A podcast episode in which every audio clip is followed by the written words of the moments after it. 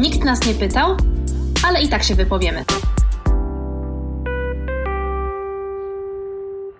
Dzień dobry, dzień dobry, drogie słuchaczki i drodzy słuchacze. Po krótkiej przerwie, dla niektórych może zbyt długiej, ale wracamy i wraz z Kasią nagrywamy właśnie wspólny odcinek i on o. będzie wyjątkowy. Ponieważ... Jak dawno się nie, w ogóle nie spotkałyśmy w studio, także cieszę się, że jesteśmy znowu razem. Ja też się, Kasiu, cieszę. Linda już tutaj podkład w postaci chrapania zapodaje. Właśnie się poprawiła, żeby chrapnąć przy mikrofonie. I co? I ten odcinek będzie wyjątkowy, bo spotkanie po dłuższym czasie ale też pretekst do tego spotkania był naprawdę wyjątkowy, ponieważ nas połączył taki zachwyt, takie olśnienie i po prostu spotkała nas taka iluminacja mhm. związana z przeczytaniem książki, o której dzisiaj będziemy rozmawiać. Mhm. No, że dawno czegoś takiego nie miałyśmy. Tak. I od razu uprzedzamy, że to nie będzie opowieść tylko recenzencka, że przeczytałyśmy fajną książkę i będziemy się zachwycać i nie będziecie wiedzieć o co chodzi, jeżeli nie czytaliście tej książki. Tylko powyciągamy takie różne wątki, które w tej książce, która jest ultrafeministyczna, bo to oczywiście jedyne, co czytamy, co były dla nas ważne i które przewijają się po prostu przez ten podcast od po samego początku. Tak. No więc stwierdziłyśmy, że no musimy po prostu nagrać o tym odcinek, bo... Tak. A wy wszyscy musicie tą książkę przeczytać po prostu. Absolutnie. Bez tej książki nie ma życia i trochę jest tak, że to życie dzieli się na przed przeczytaniem Bernardine Evaristo i po przeczytaniu Bernardine Evaristo mhm. i trzeba też sobie poradzić z takim pewnym poczuciem pustki i smutku, że mhm. już się skończyło tę książkę, no, a ona na pierwszy rzut oka wcale nie wydaje się, no taka wiecie, przystępna poprzez długość, bo prawie 500 stron. Y, ja w ogóle książki. byłam w szoku, jak zobaczyłam tą książkę u ciebie, tą cegłę, bo ja czytałam na Kindle i to się po prostu czytało tak, tak się płynie przez tą książkę, że w ogóle nie masz wrażenia, że ona jest długa, tylko tak. masz wrażenie, że jest za krótka wręcz i po prostu płaczesz za każdym razem, jak kończy się rozdział, że już się skończył. Tak, dokładnie. No więc ona się wydaje rzeczywiście cegłą, jak kupicie sobie wydanie książkowe, ale...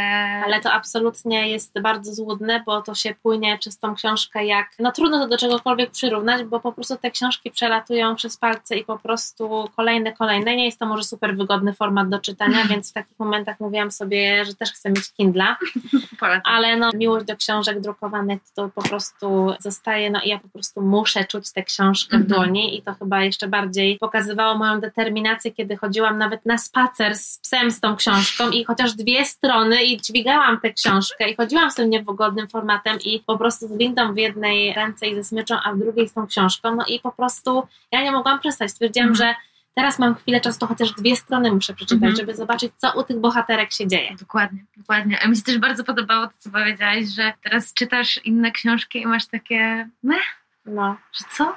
Co to jest? Że naprawdę tak, ta książka jest niesamowita. Z wielu powodów, o których będziemy Was zanudzać przez cały ten odcinek, ale ja nie czytałam nigdy niczego podobnego. Tak, i a propos, jak Kasia zachęciła mnie do przeczytania tej książki, bo ja w ogóle mam tę książkę w oryginale i kupiłam ją w zeszłym roku, po tym jak mm -hmm. ona dostała nagrodę Bookera, mm -hmm. bo widziałam, że był taki szał w social mediach mm -hmm.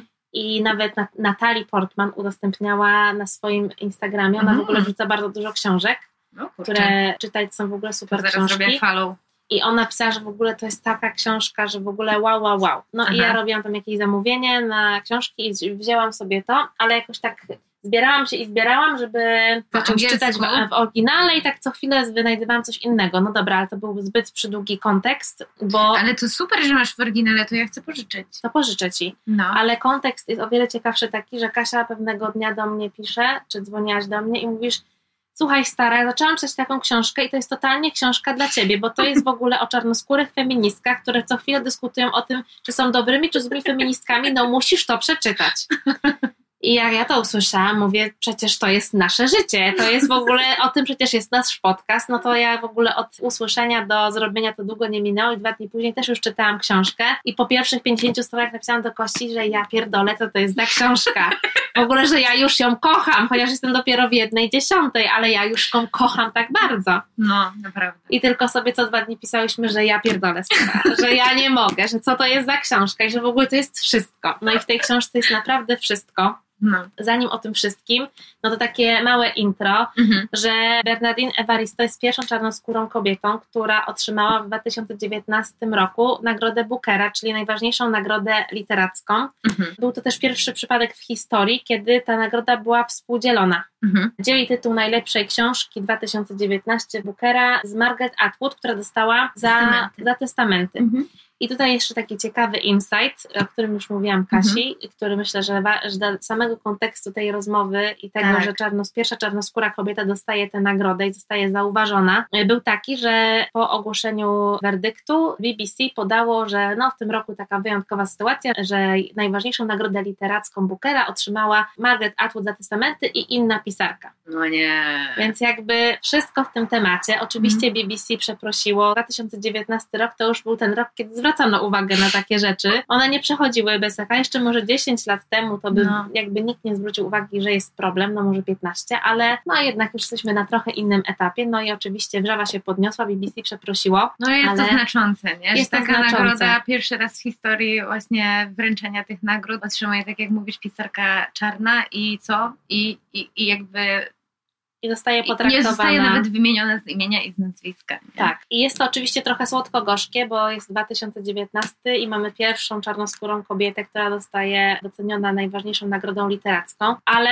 to też jednak decydujemy się patrzeć na tą słodszą stronę Mhm. tego wszystkiego, no bo sama Evaristo przyznaje, że no prawda, że ona jest pisarką, która funkcjonuje na rynku literackim, jest też poetką, dramaturżką i ona mówi, że raczej dostaje dobre recenzje, że gdzieś tam po prostu te książki spotykały się z zainteresowaniem, oczywiście nie na taką skalę, Mhm. no i ona sama przyznaje, że ta nagroda no to otwiera wiele drzwi i przez to, że ją otrzymała, to wiele osób w ogóle sięgnęło po tę książkę, Mhm. zainteresowało się nią, no i zobaczyło, że wow, takie książki powstają, że to jest niesamowite, że Mhm. taka książka, która jest w ogóle wywrotowa pod względem formy, bo ta Mhm. forma jest tutaj w ogóle niesamowicie ważna, Mhm. docierają do czytelników i czytelniczek i w ogóle spotykają się z ogromnym zainteresowaniem, sympatią, no bo nawet na gdzieś tam polskim Instagramie, no to ta książka w ogóle jest mnóstwo recenzji, Tak. czy to YouTube'owych, Instagramowych, w ogóle w prasie też.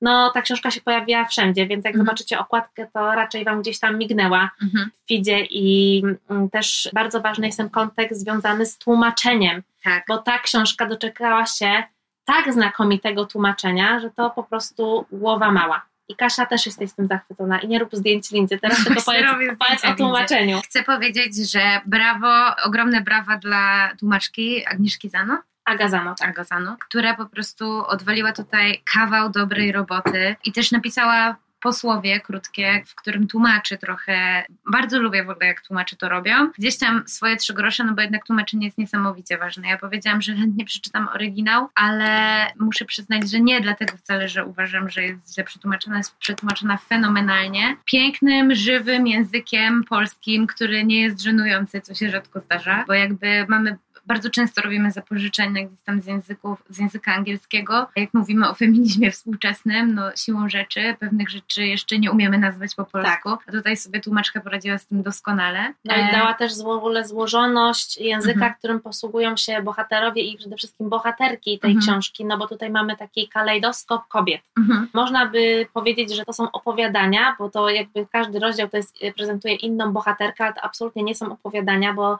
nie dość, że te losy tych bohaterek gdzieś tam się sprzęgają i one są sobie bardziej lub mniej bliskie, no ale to się absolutnie czyta jak powieść. Tak. Ją też warto przeczytać pod kątem tego, jak ona jest podzielona, bo tak naprawdę ta książka ma pięć rozdziałów Mhm. i każdy rozdział jest kilka tych opowieści kobiecych. No i jak sama autorka mówi, że to jest 12 kobiet, ale tak naprawdę to jest 11 plus dodaje ten prefiks na inkluzywność, no bo Mhm. jedna z postaci określa się jako osoba niebinarna, Mhm. więc ona mówi, że jest 11 plus by daje ten prefiks na inkluzywność, ponieważ nie chce włączać tej bohaterki do grona kobiet, skoro ona się określa jako Mhm. niebinarna. No i też my sobie właśnie pomyślałyśmy o tym, że bo ja zwracałam uwagę, że tam pojawia się pierwszy, drugi, ale tak jakoś byłam tak w szale tego czytania, Mhm. że w ogóle tam mówię, dobra, nie wiem o co chodzi z tym numerowaniem, jadę dalej, ale trzeba jednak pomyśleć o tym i z wielką przyjemnością przeczytam jeszcze raz, żeby zobaczyć, jak ona, Że to w pewnym sensie mogą być takie jakby akty, nie? takie Jeżeli- akty, bo nie chcę, że ona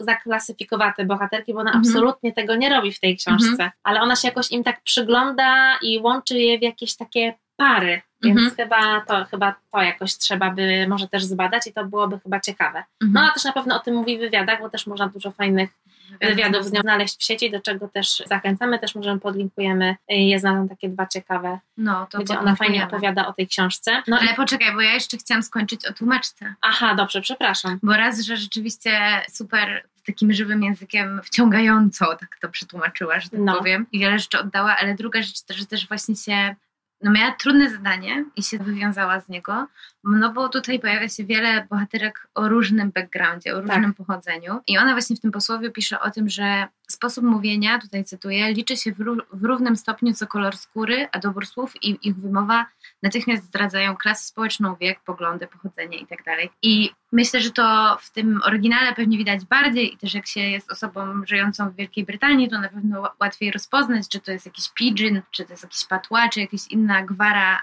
czy inny jakby English trochę zmieniony, zmiękczony przez pochodzenie, co nie da się oddać tego w języku polskim, a jednak się udało w jakiś sposób Tak, e, ona to zrobiła nie? świetnie i można było No. wychwycić jakby tę zmianę języka i tego Mhm. sposobu, kto mówi, no Mhm. bo to wychwycenie też jest takie intuicyjne bardzo w tej Mhm. książce, bo ta książka nie posiada żadnych znaków interpunkcyjnych. Tak. Tutaj nie ma zdań, nie ma dialogów. Te dialogi się dzieją jakby w procesie, jakby w samym tekście. Mhm. I niesamowite jest to, że w ogóle nie masz wąt- wątpliwości, kiedy to się dzieje, w ogóle się nie gubisz w tej książce, Tak. tylko naprawdę ta książka jest taka fluid i ona Mhm. jest, i właśnie to, ta płynność, którą tak ciężko też przetłumaczyć, w tym takim fluid to masz w angielskim, masz takie jakieś wyobrażenie tego, że to tak się łączy, przecina jest Mhm. takie spójne i cały czas w jednym nurcie. Mhm. A dla mnie ta płynność w języku polskim to nie jest takie wy, wystarczające słowo, że jakby Mhm. nie chodzi o to tylko, że tylko z tym płyniesz, ale że to jest taka całość, która się cały czas gdzieś tam przecina i łączy i Mhm. to jak ona opowiada tę historię kobiet, no to właśnie jest takie fluid bardzo. Mhm. I to jest absolutnie niesamowite, w jaki sposób ona to robi. Tak. I totalnie. można by sobie pomyśleć, że te wszystkie doświadczenia kobiet, które są na tych 500 stronach, o których można by tutaj opowiadać naprawdę przez kilka godzin, wydawałoby się, że to jest za dużo, że tłumacz, no tutaj wsadziła wszystko, Mhm. ale to jest w ogóle tak dalekie od tego, jakie Mhm. pozostawia wrażenie ta książka, albo jakie masz wrażenia, kiedy ją czytasz, Tak, bo to jest po prostu tak nie jest, naturalne. nie jest przeładowana, chociaż tematów jest rzeczywiście mnóstwo, bo się pojawia i temat e, seksualności kobiet, i temat dorastania, i temat właśnie niebinarności, i macierzyństwa, i siostrzeństwa, i przyjaźni Przemocy. kobiecej, i przemocy wobec kobiet, gwałtu, historia, po prostu międzypokoleniowe historie. Historia miłości i to w tak bardzo Tak. różnych odcieniach, różnych konfiguracjach. I, I- cały czas jednak wraca też temat klasy i rasy i przecinania się tego, jakiejś takiej nierówności też i przemocy ekonomicznej. Tak, to jest bardzo ważne. Więc no naprawdę znajdziecie tutaj wszystkie najważniejsze wątki myśli feministycznej, a mimo to jest to napisane w tak lekki sposób, jednocześnie angażujący, a nie przeciążający. Tak, No to jest po prostu fenomen. tak. I to jest bardzo ciekawe, że Bernardine Evaristo mówi, że ona ma takie jakby zastrzeżenia, czy ma taką ostrożność w sobie, żeby mówić, że to jest książka feministyczna, bo ona się obawia takiego bagażu, który za tym idzie, że to jest taka książka, która, że przez takie stwierdzenie to jest książka, która miałaby takie po prostu być taką książką objawioną, że miałaby Mhm. mieć jakiś taki bagaż związany z tym, że oto proszę księga objawiona feminizmu i wszystko. I jakby ja absolutnie rozumiem tę argumentację, no bo tutaj te wątki feministyczne są oczywiste także z tego względu, że po prostu te bohaterki dyskutują bardzo często Mhm. o feminizmie. Ale E, właśnie dyskutują i nie dają ci jednej recepty. Tak, Właśnie oto jest feminizm taki, jaki powinniśmy wyznawać, tylko właśnie tutaj rzuca światło na jakiś problem. Tutaj z kolei pokazuje jakieś kontrargumenty, że to się właśnie dzieje w tych rozmowach i w tych ich życiach się Tak. pokazuje, jak różne są odcienie feminizmu. tak, ale też jak one same odkrywały w ogóle feminizm, no bo ta książka pokazuje bardzo różne pokolenia kobiet, które połączył gdzieś los albo są po prostu spokrewnione. Mamy tutaj od w ogóle farmerki czarnoskórej, która na początku XX wieku zaczyna Mhm. swoje życie na farmie z białym mężem. Mhm. i która po prostu jest fenomenem, bo pojawia się jako pierwsza czarnoskóra Na osoba angielskiej wsi. na angielskiej wsi. Mamy też przecież parę, która przemierza w ogóle angielskie wsie w poszukiwaniu swojego miejsca i kończą ostatecznie w Londynie, które jest bardziej multikulti, bardziej Mhm. przyzwyczajone do widoku Mhm. osób o innym kolorze skóry niż Mhm. angielska wieś. No i mamy w końcu Jas, czyli córkę można powiedzieć, głównej bohaterki, Amy, Mhm, która mhm. jakby rozpoczyna tę opowieść i kończy tę opowieść i gdzieś tam pojawia się w niektórych opowieściach kobiet, która jest już, no jak stwierdziłyśmy, zakulisowo już taką przedstawicielką feminizmu czwartej fali, gdzie Mhm. w ogóle kwestia płci jest gdzieś Tak. tam w ogóle Czekaj, bo to trzeba chyba zacytować. Coraz- mów, a ja szukam cytatu. coraz mniej istotna. A z kolei dla innych naszych bohaterek to jest w ogóle taka, y, no, no, taka kwestia tożsamościowa kwestia tożsamości, ta walka o, o równouprawnienie, walka o to, żeby opowiedzieć o tym, jaką się jest kobietą, to są kwestie w ogóle absolutnie prymarne. A Jas mówi, że w ogóle, mamo, to w ogóle już A Jas mówi tak, ja wam nie. przeczytam. W przyszłości wszyscy staną się niebinarni. Nie będziemy już ani kobietami, ani mężczyznami. Zresztą te role to i tak tylko performowanie płci kulturowej, a to oznacza, że ta twoja polityka kobieca, mamciu, stanie się bezużyteczna. A skoro już o tym mowa, to ja jestem humanitarystką, a to o wiele wyższa płaszczyzna świadomości niż feminizm. Więc dziękujemy Jas. Jas i, i Morgan to są tacy przedstawiciele nadchodzącego nowego ładu. Tak. Niech tylko taki nowy ład nadchodzi, który jest absolutnie polifoniczny i zróżnicowany. I to jest w ogóle fantastyczne, że te różne feminizmy zdarzają się ze sobą, bo jej mama, czyli jedno pokolenie tylko wstecz, to jest w ogóle absolutnie radykalna feministka, która zajmuje się awangardowym teatrem opowiadającym o doświadczeniu czarnych lesbijek. Mhm. Więc to w ogóle jest naprawdę niesamowite, że jak te kobiety się ze sobą spotykają, że one ze sobą dyskutują i one absolutnie potrafią ze sobą być. I to, że one dyskutują między sobą właśnie o czym, jak ty mnie zachęciłaś do tej książki, o tym, czy są dobrymi, czy złymi feministkami, to są takie dylematy, z którymi one się cały czas zderzają i tam nie ma absolutnie żadnego moralizatorstwa związanego z tym, że ty się czujesz w jakimś momencie źle z jakimś swoim feminizmem, tylko absolutnie znajdujesz taką płaszczyznę różnych przemyśleń, które sama masz jako feministka, Mhm. bo przecież jakby dla mnie taką siłą tej książki absolutną jest to, że można powiedzieć, że to jest taka opowieść o, czarno, o doświadczeniu czarnoskórych kobiet. No Mhm. i oczywiście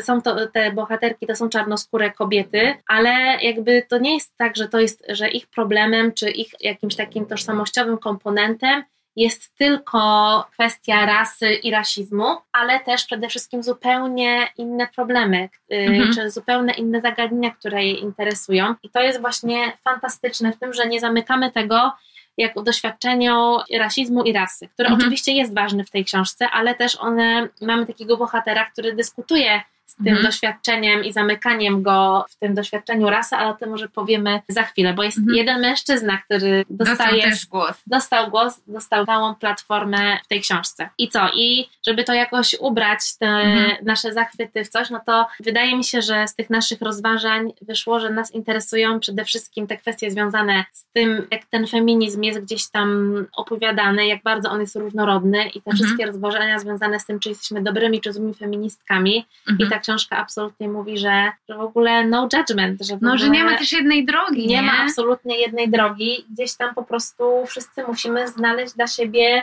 miejsce i spotkać się, byśmy przede wszystkim mogli z sobą rozmawiać. No tak, no i że, to, że właśnie nie ma jednej recepty i nie ma jednego właściwego feminizmu, bo zawsze będzie nas interesowało to, co, co przeżyłyśmy my i na tym będziemy się skupiać, nie? Tak. Więc te różne feminizmy w tej książce przedstawione wynikają właśnie z doświadczeń tych kobiet i to jest opowieść o ich życiach. Tak, to życie czasami niesie bardzo nieprzewidywalne rozwiązania, nieprzewidywalne romanse, miłości, sploty też zawodowe i no czyta się to naprawdę z wypiekami na twarzy, ale jest też kwestia oczywiście tożsamości. Polityka tożsamości w tej książce no dostaje, jest zaprezentowana jakby pod wieloma aspektami, także problematycznymi, bo i dostajemy rozdział, który opowiada o Morgan, która staje się Morganem i w, ostatecznie określa się jako osoba niebinarna, ale to też jest niesamowite, że na tej drodze, na początku Morgan, która staje się Morganem, Mega.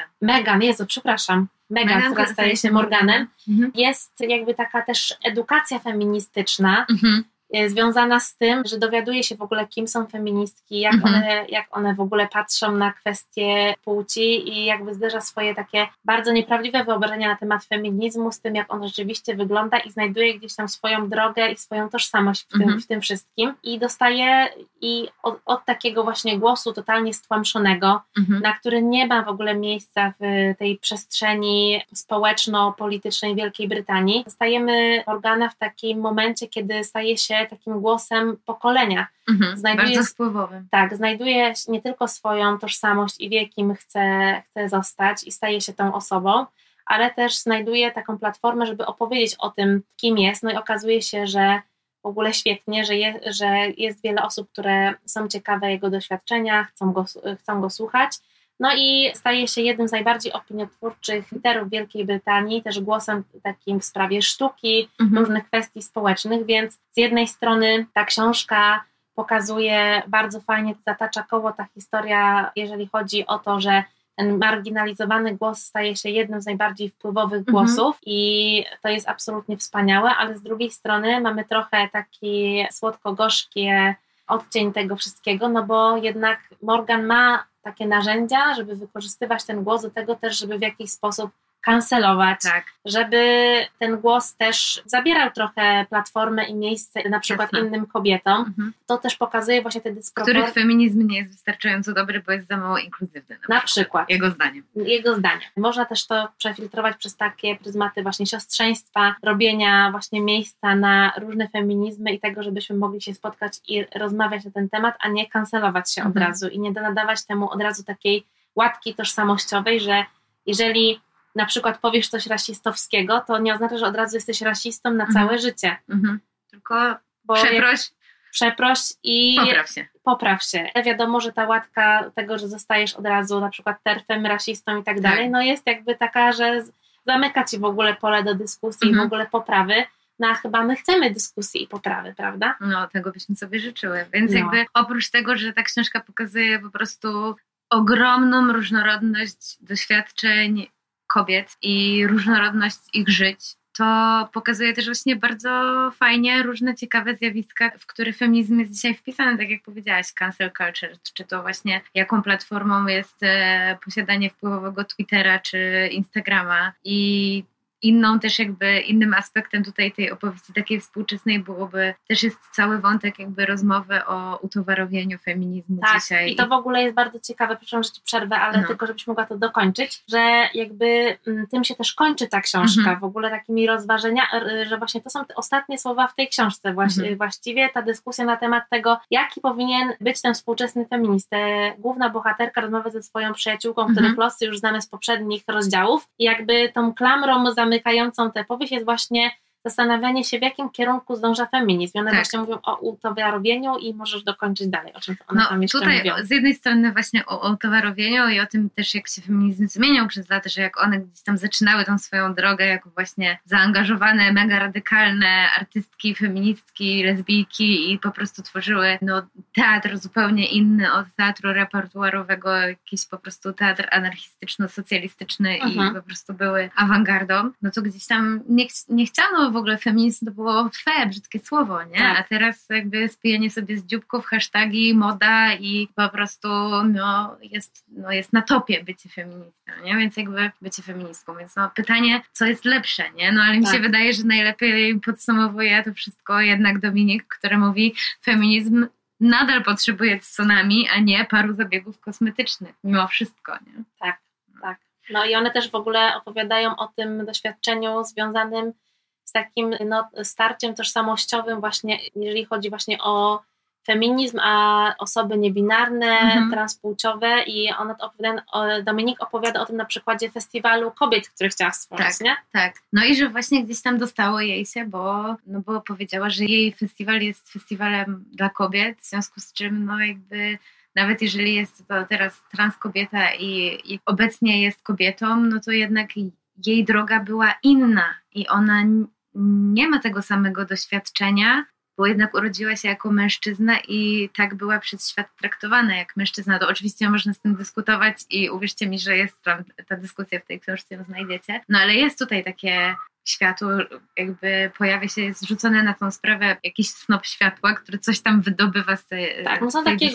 głosy też się pok- pokazują, które czasami boimy się powiedzieć Mhm. głośno, bo nie chcemy być oskarżeni o transfobię i Mhm. w ogóle brak wrażliwości na Mhm, inkluzywną politykę, o której sami wszyscy trąbimy, mhm. ale no są też takie, no właśnie jest taki, jak, no nie chciałabym użyć słowa konflikt, bo to chyba Mhm. jakby nie o to chodzi, żeby ubierać to w jakiś spór, ale że właśnie w tą, w tą przemianę tożsamościową, taką Mhm. jakby społeczną, w którą wszyscy jesteśmy gdzieś tam zaangażowani, są też takie po prostu osobiste doświadczenia, które Tak. wszyscy mamy. I zarówno dla pokolenia na przykład mojej mamy i też myślę naszych mam, Mhm. i też dla, dla nas na przykład ta kwestia w ogóle bycia kobietą i tożsamości kobiecej, praw kobiet i tego, Mhm. żeby kobiety dostawały głos i żeby wciąż ta zmiana się dokonywała dla kobiet, jest e, Mhm. elementem tożsamości i ważnym kom- komponentem. Mhm. I na przykład no, to, o czym mówi Jas, ja to rozumiem i absolutnie gdzieś tam rezonuję z tym, ale no dla Że mnie jest humanitarzystką. że jest humanitarystką, Mhm. ja to potrafię zrozumieć tę perspektywę, wiem o co chodzi tym osobom, które w taki sposób myślą, no ale jednak no dla mnie no, na ten moment swojego życia no, jest to taka postawa, której ja nie mogę przyjąć, ponieważ nie jest to gdzieś tam zgodne z moimi przekonaniami takimi, że dla mnie, ja, dla mnie ta kobiecość i definiowanie jej jest bardzo ważnym, że dla że mnie czujesz się kobietą tak, że dla mnie akurat Mhm. ta płeć, oczywiście nie performowana w, i nie utrwalająca stan, stereotypowych wyobrażeń na temat pół, płci i gdzieś tam zamykająca taką wolnościową drogę, to w ogóle nie o to chodzi. Komponentem mojej tożsamości, myślę też twoim, jest Mhm. właśnie kobiecość. Mhm. Ale to nie znaczy, że jakby coś ma ustąpić miejsca drugiemu, że my nie możemy istnieć razem, nie możemy razem Mhm. dyskutować z Mhm. jazd, bo ja absolutnie widzę tą koegzystencję i widzę ten Mhm. wspólny świat, który możemy tworzyć. Tak, jak najbardziej. No ale to chyba jest też taki właśnie, ona świetnie pokazuje Evaristo właśnie ten styk Mhm. tożsamościowy, Mhm. który i to przechodzenie chyba od tej trzeciofalowości do tego feminizmu czwartofalowego, albo nie wiem, czy możemy, może zrezygnujemy w ogóle, odwrócimy w ogóle nazwę Koncepcję fal. koncepcję fal feministycznych, może w ogóle przyjdzie nowe zmiecie i w ogóle No inaczej. przyjdzie to tsunami. Przyjdzie to tsunami i powie dziewczyny, robiłyście to źle, to trzeba zrobić inaczej. I jeżeli przyjdzie takie tsunami, to ja w ogóle super, w ogóle trzeba się przekonać, trzeba dać głos i to by było niesamowicie inspirujące. Tak. A wiesz też, dlaczego musi przyjść to tsunami? Dlaczego? To jeszcze jeden cytat tutaj wrzucę. Oj, dawaj. Bo jednak trochę jest tak też w tym naszym feministycznym świadku, Mhm. że wygląda to trochę jak, cytuję, głoszenie kazań z ambony politycznej niewidzialności do zmarginalizowanego zgromadzenia już przekonanych. Hello? Czy ten podcast właśnie taki jest? Więc też właśnie e, Amma, która właśnie, no ochrzciłyśmy ją tutaj główną bohaterką, bo bardziej jakby kompozycyjnie, Tak. ona od niej się zaczyna, na niej się kończy ta książka, E, no i ona właśnie się obawia, że czy no, do tego jednak ta jej sztuka się nie sprowadziła, że Mhm. kiedyś była tą radykalną, wojującą, a tutaj kończy się ta książka no ja- jakby na premierze sztuki o której też mówi Amma, czy jednak dała się trochę sprzedać temu establishmentowi, nie? Tak. I że do, do tego jeszcze miałyśmy dotrzeć, właśnie do tego głosu Rolanda, Tak. jedynego mężczyzny, który tam otrzymuje mi mikrofon w tej powieści. No i on właśnie reprezentuje taką postać, która jednak temu establishmentowi się sprzedała Tak. Nie? który jest, no jest on wziętym publicystą, wykładowcą Tak. i nie wstydzi się tego, że po prostu zarabia też dobre pieniądze na tym. Nie? Tak, że potrafił wykorzystać właśnie elementy swojej tożsamości, które mogą być atrakcyjne Mhm. dla jakiegoś tam PR-u i dla, dla polityki inkluz- inkluzywności w takim znaczeniu, że jesteś czarnym gejem, a my potrzebujemy po prostu Takiego reprezentacji, głosu, no to tak. bierzemy cię i on y, mówi, że z pełną świadomością wykorzystuje to i y, skoro oni dają, otwierają mu drzwi, to on wchodzi z impetem. Tak, dokładnie. No więc są, są właśnie tutaj różne, różne drogi. Tak, no ale on też właśnie z jednej strony mówił, że wykorzystał tę ścieżkę, ale z drugiej strony mówi sobie po paru latach istnienia w tym establishmencie i pobierania z niego e, profitów, mówi sobie, że on w ogóle ma dosyć tego, że on nie chce być Mhm. traktowany jako czarnoskóry gej pochodzenia gambijskiego, bo on nie chce nosić na swoich barkach całego tego doświadczenia związanego z byciem przedstawicielem właśnie tej Całej rasy. całej rasy mniejszości z podobnymi doświadczeniami, Mhm. bo dlaczego on ma być osobą, która jest określona tylko przez te kategorie tożsamościowe? Tak. Są to elementy jego doświadczenia, ale on nie chce być tylko czarnoskórym gejem, któremu się udało, że on w Mhm. ogóle jest, on chce być w ogóle zupełnie inaczej traktowany Tak. i czy to w ogóle jest możliwe, zastanawia się. Tak, i to jest właśnie ta jego złota myśl, nie? że od białych oczekuje się tylko, że będą reprezentować samych siebie, a od czarnych, że będą właśnie reprezentować całą swoją rasę. To właśnie mówi Roland. No i kurde, i w tej książce znajdziecie tyle właśnie takich złotych myśli, jakichś takich refleksji, które nagle wam rzucą światło na problem w jakiś nieoczekiwany sposób, że no po prostu musicie tą książkę przeczytać i tyle. Tak, ale ja jeszcze chciałam powiedzieć o jednym takim case'ie, który... Jeszcze jedno. Jeden case, który mówiłaś, że cię wzruszył, jak ci to opowiadałam. No, bo ja słuchałam takiej bardzo krótkiej rozmowy z Mhm. Bernardine Evaristo i tam właśnie jest taka, jej rozmówca przytoczył postać Penelope, mhm. która jest w ogóle wspaniała i Penelope to jest też taka bohaterka, która odkrywa w ogóle Betty Friedan Mhm. i która dowiaduje się, że jej doświadczenie takiego bycia ciemiężoną kobietą w domu nie jest jedynym doświadczeniem i to jest właśnie ten, ten błysk feministyczny, który Mhm. w ogóle takie oczko puszczone do wszystkich kobiet, które Mhm. znają Betty Friedan, interesują się tym i mówią, że tak, to był ten moment, to Mhm. była ta druga fala. Mhm. No ale potem Penelope jakby konfrontuje się z tym, że jakby super, że znalazłam otuchę w, w tym feministycznym Mhm. doświadczeniu, ale wciąż mam takie rozterki związane z tym, że nie czuję się ładna, że, Mhm. że mówią mi bądź silna,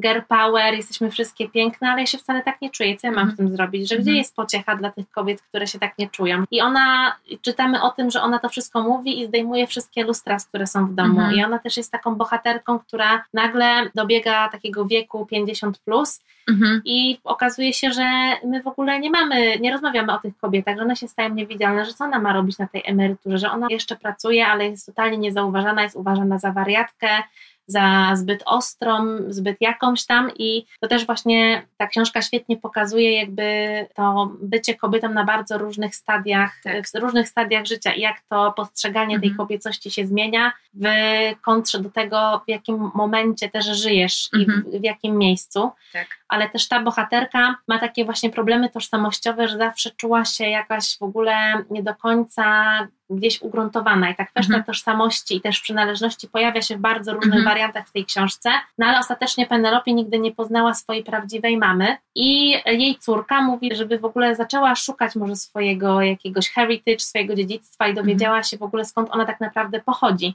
Mhm. Że być może z, jakiej części Anglii udaje się dotrzeć, Mhm. skąd ona jest i ona sobie robi ten taki test, jakby ile procentowo, jakich Test genetyczny. tekst taki. genetyczny, Mhm. który mówi jakby w ilu procentach jesteś, do jakiej Z jakiego regionu? regionu, pochodzisz? jakiego Mhm. regionu po, pochodzisz, skąd byli twoi przodkowie po prostu, Mhm. jaka krew w tobie płynie. No i ona, te testy okazują się bardzo takie zaskakujące, dobijając do brzegów z tą anegdotą, oczywiście przydługo. Rozmówca w takim razie Bernardine Evaristo. Tak, mówi, że dla niego to był taki piękny moment w tej książce, gdzieś, który gdzieś pojawia się też właśnie pod koniec, kiedy mówi, żyjemy w takim świecie, który jest bardzo spolaryzowany, że jesteśmy tacy i tacy, że albo jesteś z nami, albo Niepolarni. jesteśmy w ogóle niepolarni. To jest taki żarcik, który zrozumiecie, jak przeczytacie tę książkę. I w ogóle albo jesteś z nami, albo przeciwko nam. Mhm. I że właśnie te zaskakujące wyniki, które ona dostaje, gdzie on okazuje się, że ma ileś tych tożsamości, może mieć tak naprawdę, bo procentowo jest w ogóle no i Szwedką i też z, z ma korzenie gambijskie, Mhm. tak? Tak mi się wydaje. No, z różnych części Europy, z różnych części Europy, Afryki. tak naprawdę świata. Tak. No i on mówi, że to jest w ogóle taka niesamowita, jakby taka pokrzepiająca myśl na te dzisiejsze czasy, że tak naprawdę z że każdy z nas nosi cząstkę innej osoby Tak. i może być w nas tyle różnych tożsamości i tak dużo ró- różnych innych wątków, które połączą nas z osobami, które wydawałoby się zupełnie inne niż my, a mają inne interesy. Tak naprawdę wszyscy jesteśmy po prostu ludźmi, których więcej łączy niż dzieli, mimo Mhm. tego, że doświadczenia mamy różne. Mhm. Bernardine się uśmiechnęła i powiedziała, że bardzo piękna interpretacja i że właśnie ona bardzo chętnie będzie ją szerzyć i nieść w świat, więc ja po prostu też uważam, że jest to bardzo piękne założenie, które wypływa z tej książki, więc za jej pozwoleniem niosę w świat tę interpretację. Tak, jak najbardziej, że właściwie to ten lepszy świat, o który walczymy, chyba polegał przede wszystkim jego baza, y, podwalina ta myśl taka, wiecie, taka głębia tej myśli, która powinna nam przyświecać, to chyba by polegało na tym, żeby pamiętać właśnie, że no właśnie nosimy tą cząstkę drugiego człowieka w sobie, nie? I tak. że po prostu otwórzmy się na nie. Także Bernardine, Evaristo, przepraszamy, że tak feminizujemy twoją książkę, chociaż tego nie chciałaś, ale no to jest książka na wskroś feministyczna moim zdaniem. I tak. pokazuje wiele różnych feminizmów i po prostu pokazuje przepięknie życie kobiet. Tak. Naprawdę jest to no, książka na życie i ja czuję bardzo dużą pustkę i żałobę po tej książce, bo nie mogę mhm. przeżyć, że ona się już skończyła. No, przeczytałam sobie jeszcze raz. Jeszcze raz, ale I w ona, oryginale. Tak, ona też mówiła w jednej z rozmów, które słuchałam, że książka właśnie pod takim względem angażowania i przeżywania jest też o tyle niesamowita, że częściej do niej wracasz i, i możesz ją czytać przez tygodnie. Mhm. Ona mówi, że zna wiele świetnych seriali i filmów i że to jest takie dziwne, że to jest doświadczenie na przykład na dwie godziny, że możesz je stalić w takie na przykład gdzieś, nawet cały sezon serialu, 10 godzin i do widzenia. I mhm. musisz sobie poradzić z tym, że na przykład jak był super, to wiesz, jakby no był super, ale się skończyło te 10 mhm. godzin, a z tą książką to jednak chodzisz, że jakoś tak bardziej się w nią wciągasz, że tutaj przeczytasz sobie tyle son, a potem chociaż dwie łykniesz, że jakoś bardziej się osadzasz w to i mhm. akurat z tą książką właśnie tak jest, że ona po prostu no zje was. No zje. Więc, yy, smacznego. Smacznego. Jest to cudowna książka, no i po prostu może jest to podcast o jednej książce, ale jest to odcinek dzisiejszy, który jest może trochę też nieskładny, ale to jest w ogóle tak trudno opowiedzieć o tym niesamowitym doświadczeniu lekturowym, mm-hmm. że po prostu no dajcie se, no dajcie. co będziemy tu dużo mówić. No jeżeli Was interesują te wszystko, o czym my tutaj rozmawiamy, to w tej książce naprawdę Możecie się w tym mu przeglądać w bardzo różnych perspektyw i no po raz kolejny powiemy, że tłumaczenie jest wspaniałe. Tak. Więc bardzo zachęcamy do lektury. Tak, wydawnictwo? Poznańskie. No widzisz. No. Więc wydawnictwo poznańskie, proszę, proszę czytać i cieszyć się wspaniałą lekturą. Tyle od nas dzisiaj, tak? Tak. Dobrze, to dziękuję. A woman. A woman i no, wspaniałej lektury. Tak. I do usłyszenia. Do usłyszenia. Nikt nas nie pytał, ale i tak się wypowiemy. Producentem podcastu jest Estrada Poznańska. Wszystkie odcinki znajdziesz na estrada.poznan.pl.